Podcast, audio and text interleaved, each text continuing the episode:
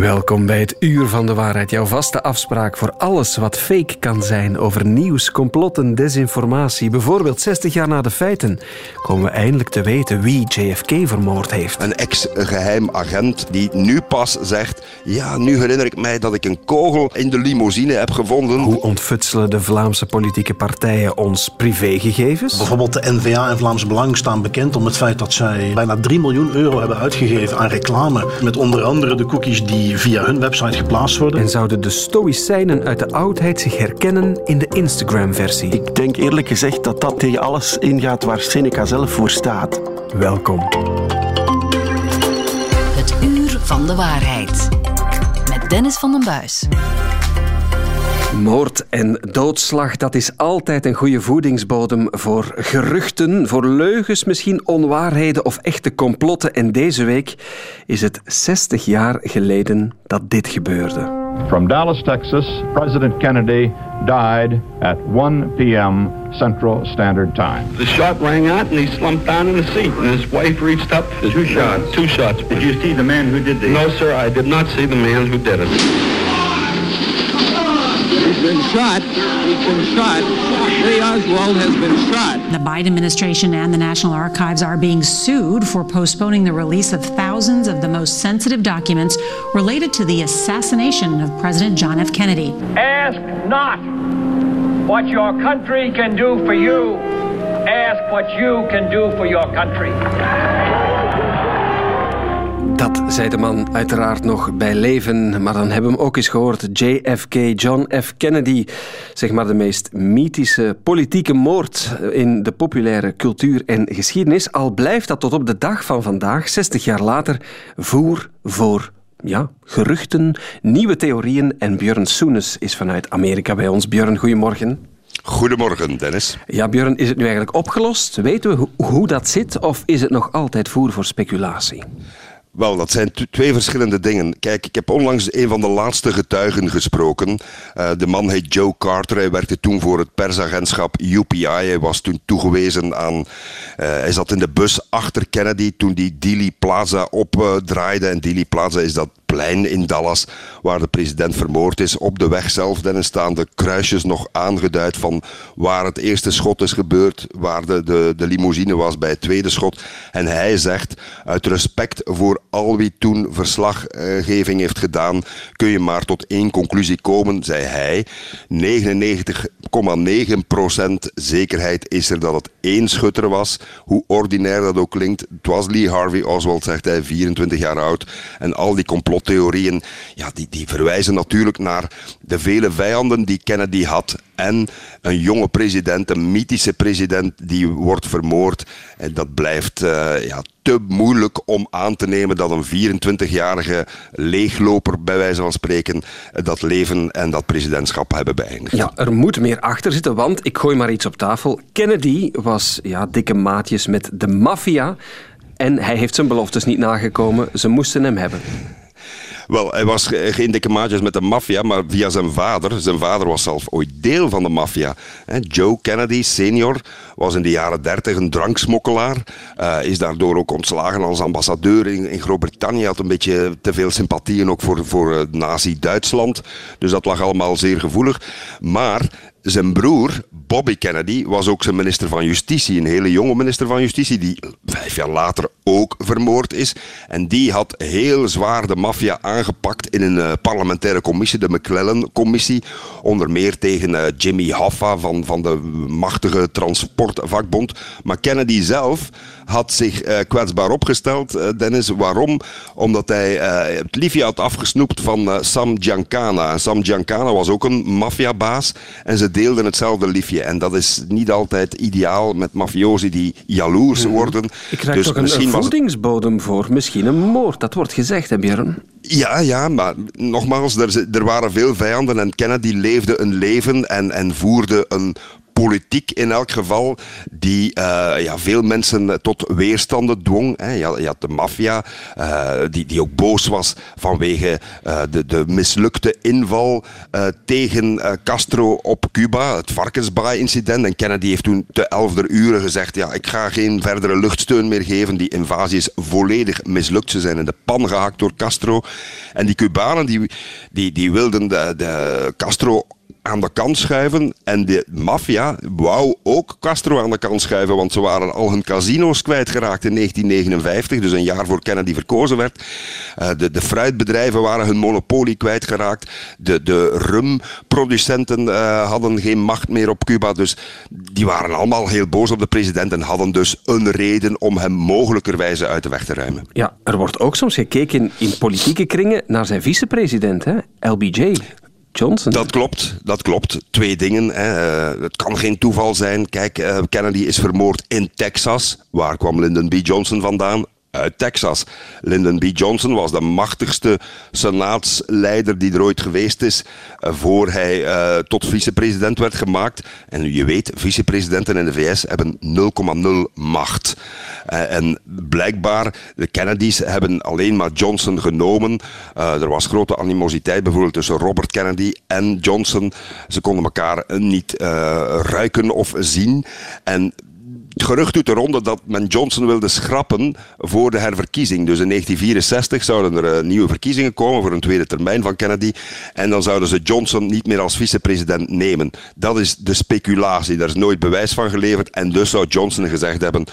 Uh, het is het moment, eh, een vicepresident kan alleen maar president worden als de president doodgaat of vermoord wordt. En hij is president geworden, maar het, het ironische is, Johnson heeft alles uitgevoerd wat Kennedy alleen maar beloofd heeft en is op binnenlands vlak de grootste hervormer uh, geworden van de laatste 70, 80 jaar. Ja, dus zijn beleid maakt hem eigenlijk onverdacht, zeg jij. Um, maar er zijn heel veel theorieën die de ronde doen, heel veel populaire producten, die film JFK, waar we de muziek daarnet ook van gebruikt ja. hebben. Ja. Het, het blijft toch wel prikkelen. Heel veel mensen oh, ja. geloven niet wat er verteld wordt. Nee, nee. Uh, want ja, kijk, ik heb al vaak meegemaakt de banaliteit van de dingen. Uh, als je naar, naar de, uh, Memphis, Tennessee gaat en je staat op dat terras van dat motel, wat nu een museum is, een burgerrechtenmuseum, en dan je ziet hoe Martin Luther King is vermoord van aan de overkant vanuit, vanuit een soort leeg gebouw uit een raam. Hè. Er waren toen allemaal geen camera's, veel minder beveiliging. En die is op die gewoon banale wijze doodgemaakt. Dat is met Kennedy ook zo. Als je in dat museum komt, hè, die vroegere opslagplaats van, van schoolboeken op die zesde verdieping. Lee Harvey Oswald, het enige wat hij had gedaan was twee weken tevoren gesolliciteerd om daar te werken. En hij heeft daar in een bruine zak zijn, zijn uh, geweer meegenomen. Dat zou allemaal niet meer mogelijk zijn. Hij heeft gewoon dat raam opengetrokken, Dennis. De president kwam aangereden en hij kon gewoon die president doodschieten. Die, die man die ik sprak, die Joe Carter, die, die zei ook in je vizier als zo'n president in die hoek komt, perfect. Hij moet perfect gezien hebben dat het hoofd van de president werd weggeschoten. Die rechterkant, je ziet dat op die beroemde Zapruder filmbeelden. En hij wist dat zijn missie compleet was. En mensen willen dat niet geloven. Het waren de jaren 60, het waren de jaren van turbulentie onrust, uh, rassenrellen, uh, links tegen rechts. Het was Koude Oorlog en CIA deed rare dingen in Centraal- en Zuid-Amerika. Die zouden het uh, ook gedaan kunnen hebben, wordt ook wel eens gezegd. Voilà. CIA, Dennis, FBI, het leger zelfs buitenaardse wezens wordt gezegd, oliebaron, extreem rechts. Jackie uh, zelf, de, de, vrouw? Jackie zelf wordt ook genoemd, uh, terwijl ik, ik zie haar ik ga nooit die beelden vergeten. Op die Zapruder-film bij het derde schot zie je hoe het hoofd van de, van de president echt explodeert. Het is kleurbeeld en je ziet haar naar achteren grijpen in een soort reflex, bijna naar, naar, naar de hersens grijpen van de president om, om, om hem te redden. Maar op dat moment weet je al, eh, het is voorbij. -hmm.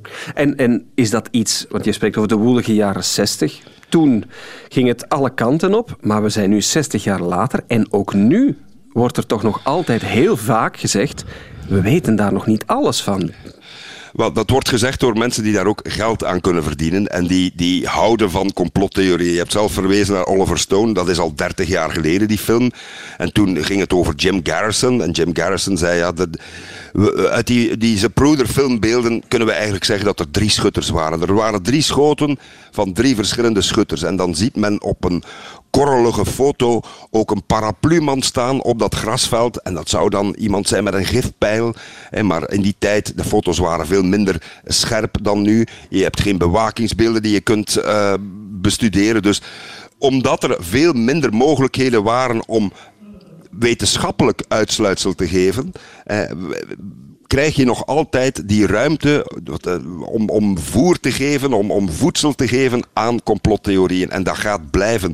Maar we zijn nu 60 jaar later, bijna alle getuigen zijn dood. Ik, ik kan je garanderen, nog 10 jaar, Dennis, en het gaat steeds minder worden. Kijk, de, de laatste uh, complottheorie is van een 88-jarige Paul Landis, een ex-geheim agent, die toen op die dag moest werken en die nu pas zegt, ja, nu herinner ik mij dat ik een kogel uh, in de limousine heb gevonden uh, op de plek waar de president zat. Ik ben vlug naar het ziekenhuis gerend, het Parkland ziekenhuis, waar hij officieel dood is verklaard, de president. Ik heb die kogel op zijn draagberry gelegd, maar die kogel, ja, die is dan ver, verplaatst naar de draagberry van de, de gouverneur van Texas en daardoor denkt men dat één kogel en Kennedy doorboord heeft, via zijn keel uh, eruit is gekomen en vervolgens Connolly in de rug, borst, pols en dijbeen heeft geraakt. En hij zegt, nee, dat kan niet, want ik heb die, die kogel gevonden op de plaats van Kennedy. Dus weer een nieuwe theorie die plots opduikt, bijna 60 jaar na de feiten,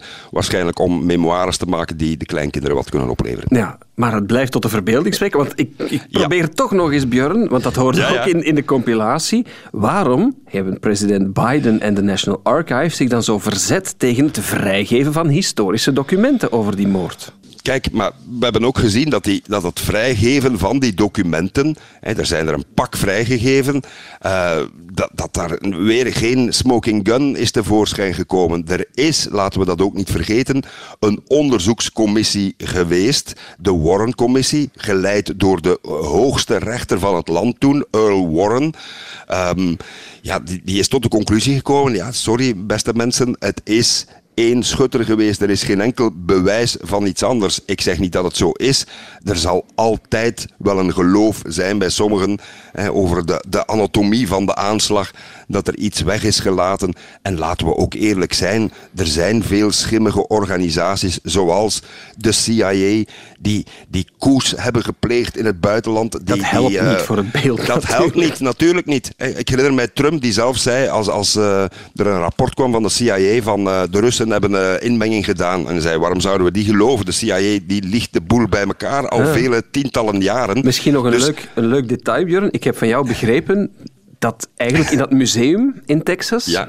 Dat dat ook vol ligt met boeken vol complottheorieën over de moord. Ja, dat is wel, een niet alleen daarover, maar ja, dat is een industrie van eh, tien jaar na de moord, vijf jaar na de moord. Wie heeft het gedaan? Was het echt Lee Harvey Oswald? De verborgen waarheid, de laatste getuige, de nieuwste getuige.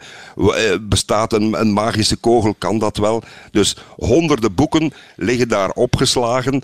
eh, als, als relict van, kijk, deze man blijft tot de verbeelding spreken, tot het ooit niet meer zo zal zijn. Wie weet doen we het over tien jaar met een nieuwe theorie of met een nieuwe smoking gun nog eens. Maar vooralsnog 60 jaar na de feiten JFK zijn moord blijft voer voor discussie of toch voor een goed gesprek. Björn Soenes, dankjewel.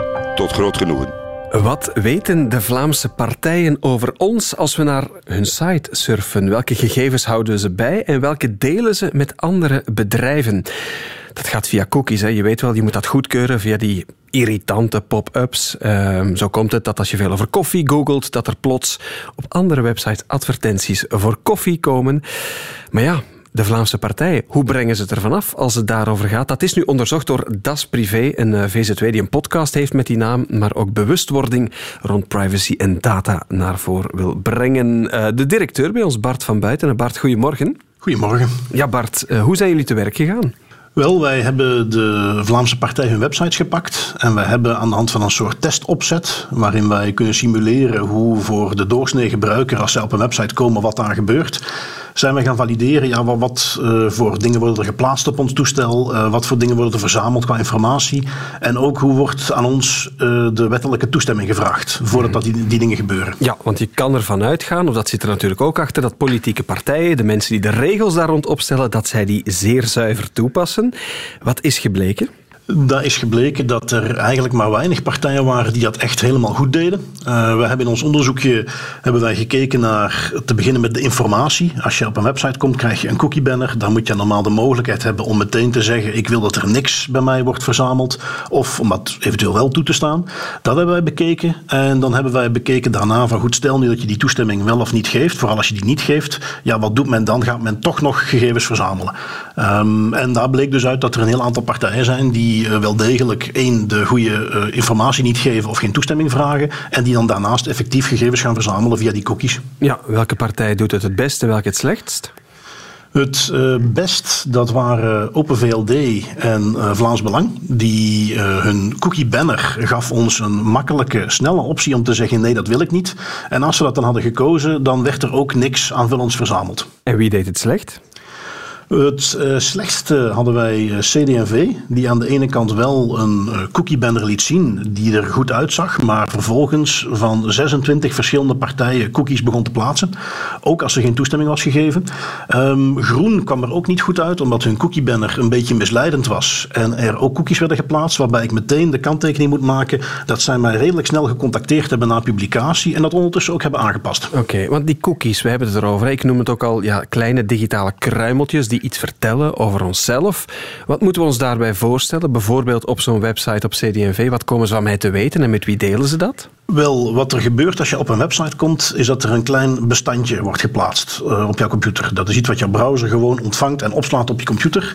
Um, als je vervolgens op die website en ook op andere websites komt, dan gaat men die cookie kunnen zien. Nu, dat zijn vaak geen cookies van de partijen zelf. Dat zijn cookies van Google, van Facebook, van Meta. Um, wat, en dat betekent dus als je op een website komt, dan stuurt uh, men naar Meta door van kijk, dit cookie hebben wij zojuist op die website gezien. Nou, dat zijn die kruimeltjes die je ook al benoemde. Mm-hmm. Dat betekent dat er een heel spoor gemaakt wordt van kijk, deze gebruiker met dit cookie is op die en die en die en die websites geweest. Ja, dat, dat is een, een van de technieken. Doorgeefluik van onze privacy eigenlijk, terwijl we daar geen toestemming voor gegeven hebben. Zijn de partijen ook geïnteresseerd in die cookies over ons, in over wat ze over ons te weten kunnen komen? Uh, ja, in die zin dat het hen vervolgens faciliteert. Want wat uh, ja, bijvoorbeeld de NVA en Vlaams Belang staan bekend om het feit dat zij, als ik ze eventjes samentel, in 2023 al bijna 3 miljoen euro hebben uitgegeven aan reclame op diezelfde platformen waar ze ook de cookies voor plaatsen.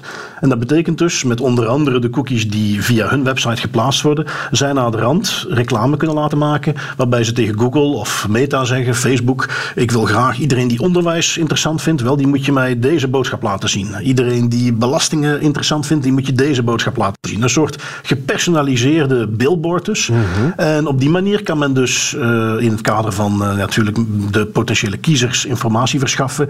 Um, als je het wat negatiever wilt bekijken, beïnvloeden. Uh, kun je dus gaan sturen welke boodschap zij zien. Dat hebben zij zelf mede mogelijk gemaakt. Ze, ze plukken dus eigenlijk zelf de vruchten van hun lakse toepassing van de privacywetgeving. Ja, ja, inderdaad. Het is wel pervers natuurlijk, hè? want wat zijn de reacties van partijen op jullie bevindingen? Uh, wel, we hebben dus Groen gehad, die eigenlijk redelijk snel contacteerde en, en ook echt uh, wilde weten hoe moeten we dat aanpassen en dat ook hebben gedaan. Uh, van de andere partijen hebben we eigenlijk niets gehoord. Ook in het recente verleden zijn we eens gaan rondvragen, omdat we natuurlijk met privacy bezig zijn. Goh, beste partijen, wat zijn jullie standpunten? En toen hebben wij eigenlijk ook alleen van Groen een inhoudelijk antwoord gekregen. De rest heeft daar op dit moment nog voluit over op de verkiezingen nog geen duidelijke standpunten over. Dus uh, ja, dan zie je toch dat men daar uh, op die manier uh, toch een beetje pervers is dat zij die daar zelf de profijt van hebben, daar zo weinig mee bezig zijn. Ja, maar die kruimeltjes niet als cookies, maar in het nieuws zijn nu opnieuw naar buiten gekomen. Wie weet pikken ze ze op en laten ze toch nog van zich horen. Bart van Buitenen van Das Privé, dankjewel voor je uitleg en voor je onderzoek. Graag gedaan. Tijd om in de oudheid en in de filosofie te duiken, want er gebeurde iets vreemds. Ik zat uh, onlangs in de kapperstoel bij mijn kapper en ineens begon hij tegen mij over het stoïcisme. Mijn kapper haalde elke dag inspiratie daaruit. Uh, levensbeschouwing, zingeving, quotes op Instagram, heel korte fragmenten ook in een boek. Elke dag moet je één ding lezen. En hij is blijkbaar, als je naar de podcastwereld luistert, niet alleen. Welcome to the Daily Stoic Podcast, where each day we read a passage of ancient wisdom designed to help you in your everyday life. Kun je ook al wat stoïcijnse mindset gebruiken in je rol als ouder of opvoeder? Meld je dan aan voor het webinar over stoïcijns ouderschap. Make sure that you sign up for my newsletter at stoic.coffee. Tegenwoordig lijkt het alsof het stoïcisme voornamelijk gebruikt wordt. Je ziet het veel in verhalen van zakenmannen, sporters, ondernemers. I've been practicing stoicism actively since 2014. So thank you for listening. I am glad you are here. Want niet alleen mijn kapper en die vele podcastluisteraars halen hun heil of zoeken hun heil in het stoïcisme. Ook politici zoals Bart de Wever verwijzen wel eens naar Seneca en Marcus Aurelius en vroegen wij ons af ja, heel die handel, heel die Instagram-wereld rond stoïcisme, zou Seneca daar zelf trots op zijn? Gert van Riel is bij ons, filosoof, antieke filosofie aan de KU Leuven. Professor van Riel, ik mag Gert zeggen, goedemorgen. Goedemorgen. Ja, misschien eerst dat stoïcisme, waar komt dat vandaan? Waar begint dat? Um, het stoïcisme is een, een, filosofie die gestart is rond 300 voor Christus. En na de veroveringen van Alexander de Grote, die het Griekse cultuurgebied uitbreidden naar het oosten tot aan de grens met Indië, werd dat een wereldrijk. Met um, ja, een globalisering van de cultuur als gevolg, die um, ertoe leidt dat mensen zich niet meer onmiddellijk herkennen in de lokale verbanden, maar ook niet onmiddellijk in dat enorme wereld wereldrijk waar iedereen plots hè, um, Grieks sprak, hè, want dat is, dat is wel spectaculair. De stad Kandahar in Afghanistan is gesticht door Alexander de Grote. Daar werden Griekse tragedies opgevoerd. Het is bijna onvoorstelbaar. Dus een enorm rijk waar uh, iedereen individueel dan moest gaan zoeken. Waar sta ik nu? Wat is de bron van mijn geluk? Dat was niet meer zo evident. En dus zocht men naar nieuw houvast. En was een beetje de controle kwijt op, op uh, individueel vlak. Klinkt, klinkt heel herkenbaar. Eh, absoluut. Wat we vandaag absoluut. meemaken. Ja, dus de, die Hellenistische rijken zijn eigenlijk qua, qua mentaliteit en, en cultuurschok van verbreding heel erg vergelijkbaar met wat wij meemaken. Trouwens ook um, wat technologische vooruitgang betreft. Dus uh, in, in Alexandrië, dus de, de, de grote stad in het noorden van Egypte, ook gesticht door Alexander de Grote, werd uh, de stoommachine uitgevonden.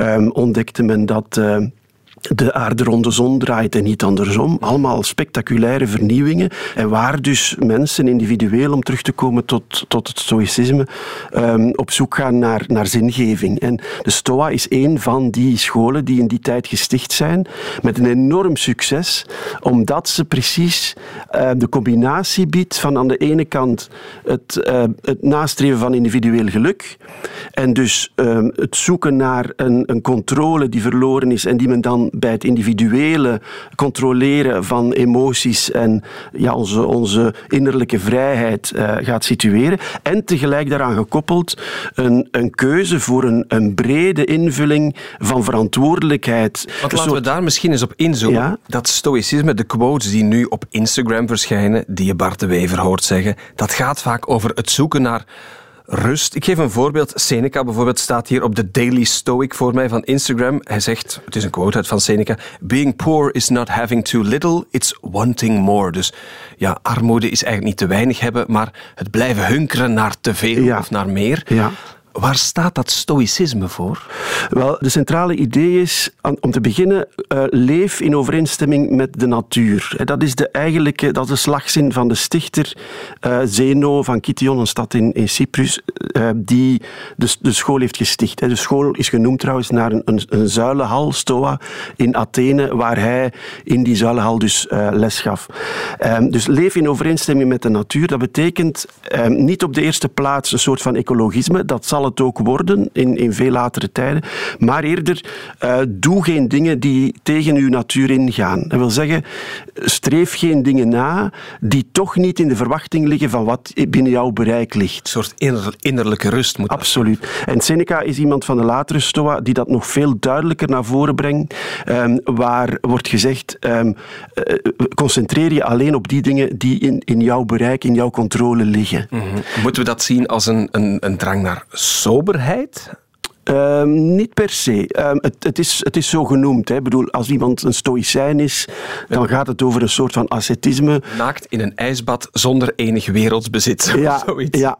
Ehm, waarom is dat zo? Omdat voor de stoicus wat je hebt eigenlijk niet mag uitmaken voor je geluk. Het is goed dat je het hebt en laat het dan ook maar zijn. Hè. Dus heb je een goede fles wijn in de kast staan, drink ze met, met, met, met, met, met volle... plezier Ja. Maar ga er niet naar verlangen. En laat je geluk niet afhangen van de bereikbaarheid van, van een dergelijke dure fles wijn. Als je dorst hebt, drink dan water, want dat is de beste manier om je verlangen te bevredigen. Ja, we stellen vast dat dat vandaag, zeg maar, dat alle gaartje ook aan korte quotes of aan gedachten waar je heel snel mee aan de slag kan, heel praktisch, ja, dat mensen daar garen bij spinnen, dat dat populair is. Zou Seneca zich herkennen in wat er nu gebeurt rond zijn stoa? dat is een hele goede vraag. Um, het, het geluk in, in, in, in deze context is een commercieel product geworden. Um, ik denk eerlijk gezegd dat dat net tegen, tegen alles ingaat waar Seneca zelf voor staat. Hè. Dus als je gaat zeggen, kijk, ik zal jou leren uh, wat geluk is en dan zal ik een boek schrijven waar ik dan uh, de, de vruchten van pluk in de vorm van auteursrechten en verkoopcijfers. Mm, dat, dat is rechtenvrij allemaal? Seneca heeft geen erven meer die betaalt? Nee, dat denk ik niet. Maar diegenen die, die over Seneca schrijven, doen er iets mee wat hen ook iets oplevert. Nu, dat is niet, niet illegitiem, maar het, het toont ook maar weer dat um, op dat moment um, een, een, theorie die moet gaan over het controleren van wat in je macht ligt, eigenlijk aan de commercie wordt overgelaten. En misschien is dat toch ook al, al op zich, in formeel opzicht, een verraad aan, aan wat de STOA wil, wil, wil voorzien.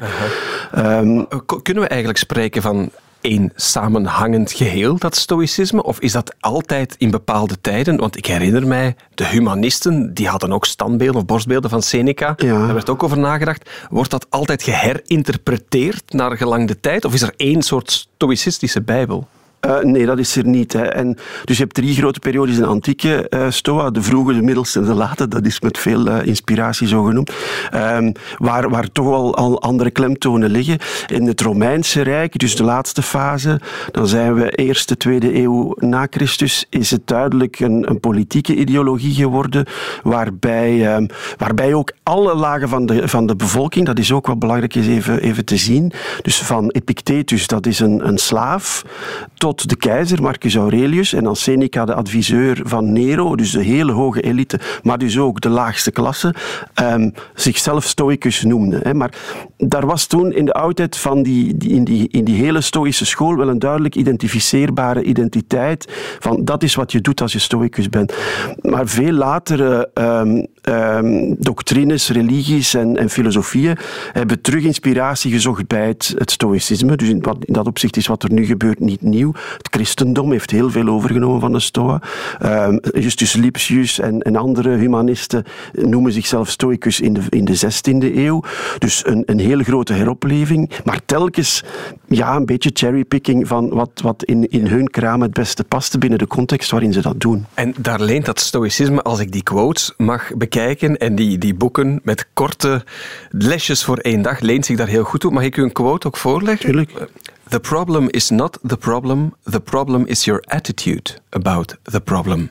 Ja, ja. Is dat stoïcistisch? Ja, dat is het wel. Dat is het wel. Weet u van wie het is? Uh, geen idee. Nee. Johnny Depp. dat staat op het zeer populair door miljoenen gevolgde account Stoic Reflections. Ah ja, oké. Okay, ja. Om maar aan te geven. Misschien moet u uw lessen toch gaan aanpassen. Ja, dat is goed. Ja. ja.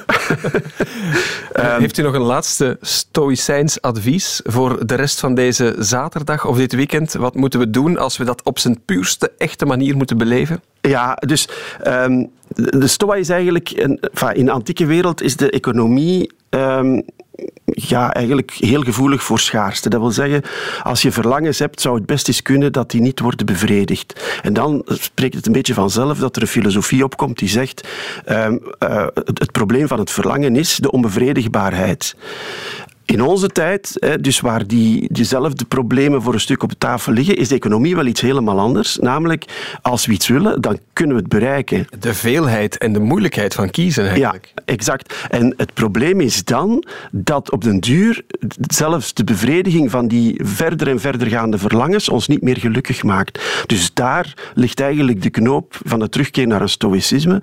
Te zeggen, kijk, wat ik moet doen is mijn verlangens beheersen. En uh, niet meer willen dan wat in mijn bereik ligt, maar misschien ook niet altijd meer willen. Hè. Dus uh, de, de, quotes die u hebt, hebt geciteerd, die podcasts, gaan eigenlijk allemaal over hetzelfde. Heel vaak van heel succesvolle mensen, Johnny Depp, maar ook uh, Silicon Valley, waar clubs bestaan van, van stoïc, stoïsche, stoïsch geïnspireerde mensen, die spelletjes doen en waar de prijs voor het spelletje niet is degene die het spelletje wint, maar degene die het verlies het best gedragen heeft.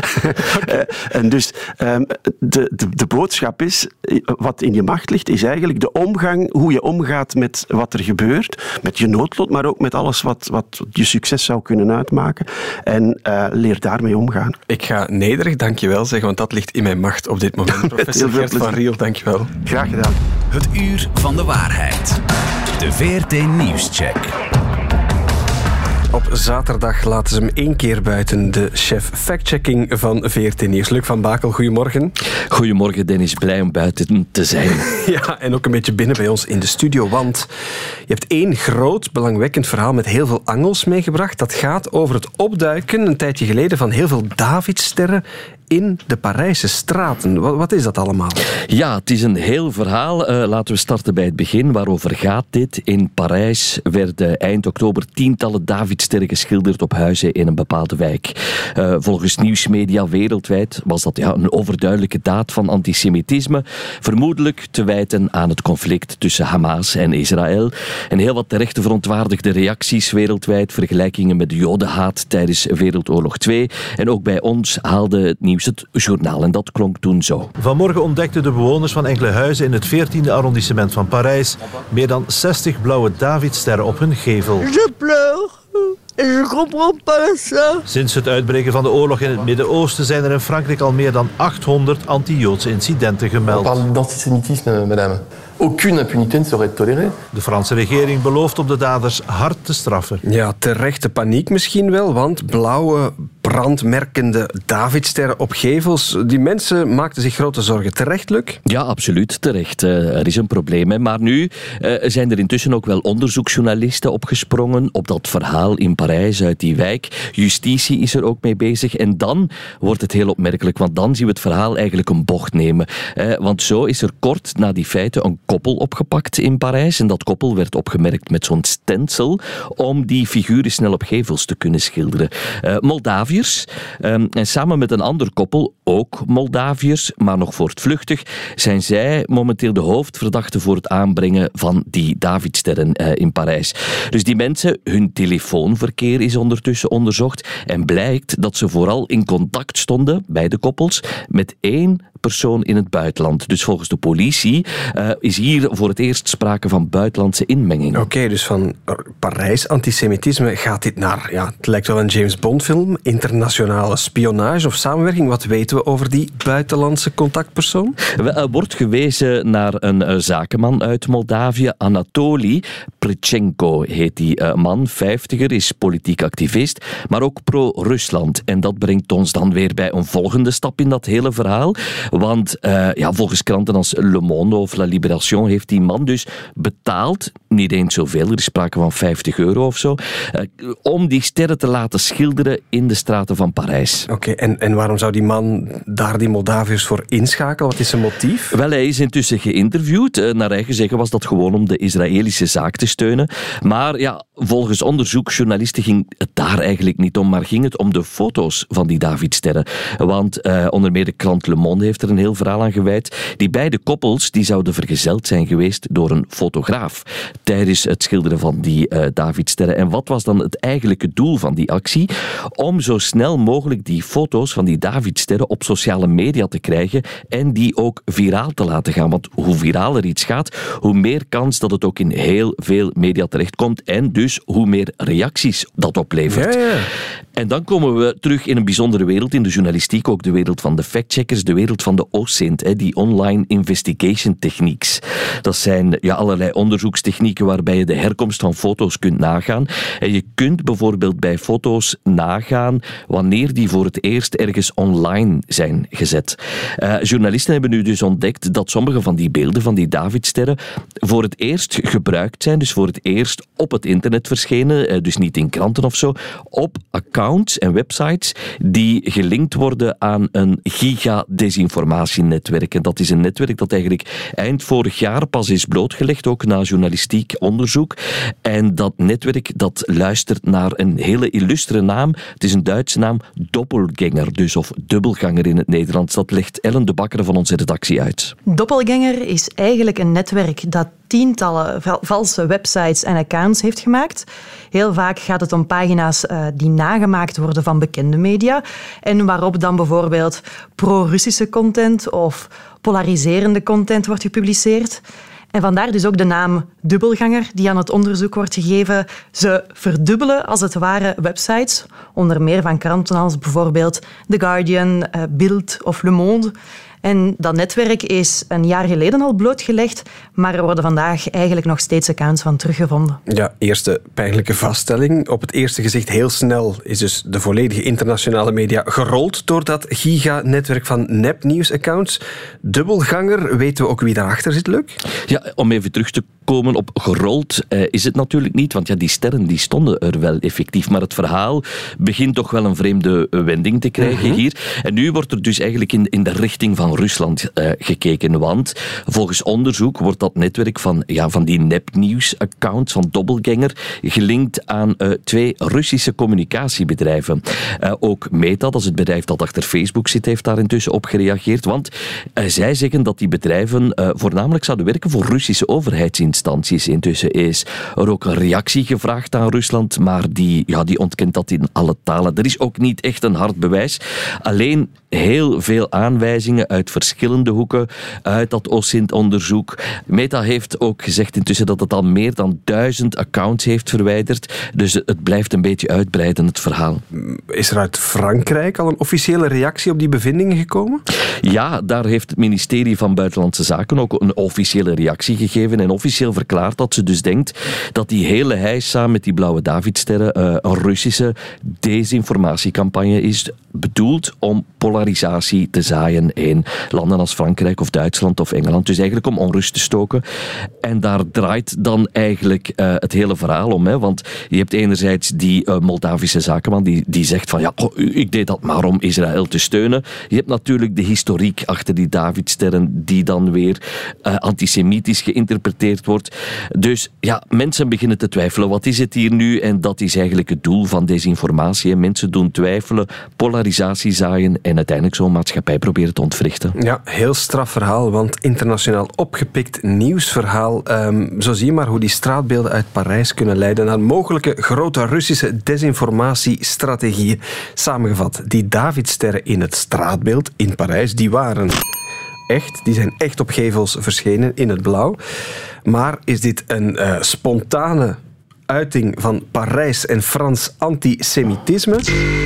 Daarop moeten we toch zeggen nee. Het lijkt erop, al zijn nog geen heel harde bewijzen, maar toch wel aanwijzingen dat het een vanuit het buitenland georchestreerde desinformatiecampagne is. Ja, Luc, laatste vraag, want we hoorden heel emotionele reacties van Joodse mensen ook in dat journaalstuk bijvoorbeeld. Ja, hoe gaan zij nu om met dit nieuws? Maakt het nog uit dat het uit Rusland komt, geen antisemitisme is? Nee, eigenlijk maakt dat uh, voor veel mensen niet zo echt uit. Zij voelen zich uh, hoe dan ook bedreigd, hè, want hun gemeenschap wordt hier ook geviseerd, op welke manier dat je het interpreteert. En terecht ook, hè, want buiten dit verhaal, hè, we hebben het hier in eerste instantie waren het 60 sterren, intussen praat men over een 200-tal.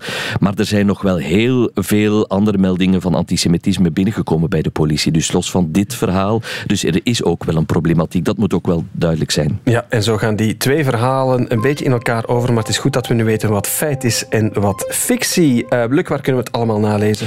Dit verhaal kan je nalezen uh, op de pagina van 14 Nieuws. Luc, dankjewel. Graag gedaan. En daarmee zit deze podcast van het Uur van de Waarheid er weer op. Een co-productie van VRT Nieuws en Radio 1. Wil je meer weten over de wonderenwereld van desinformatie, complottheorieën en fake news? Herbeluister dan alle eerdere afleveringen. Dat kan via de app van VRT Max. Tot de volgende.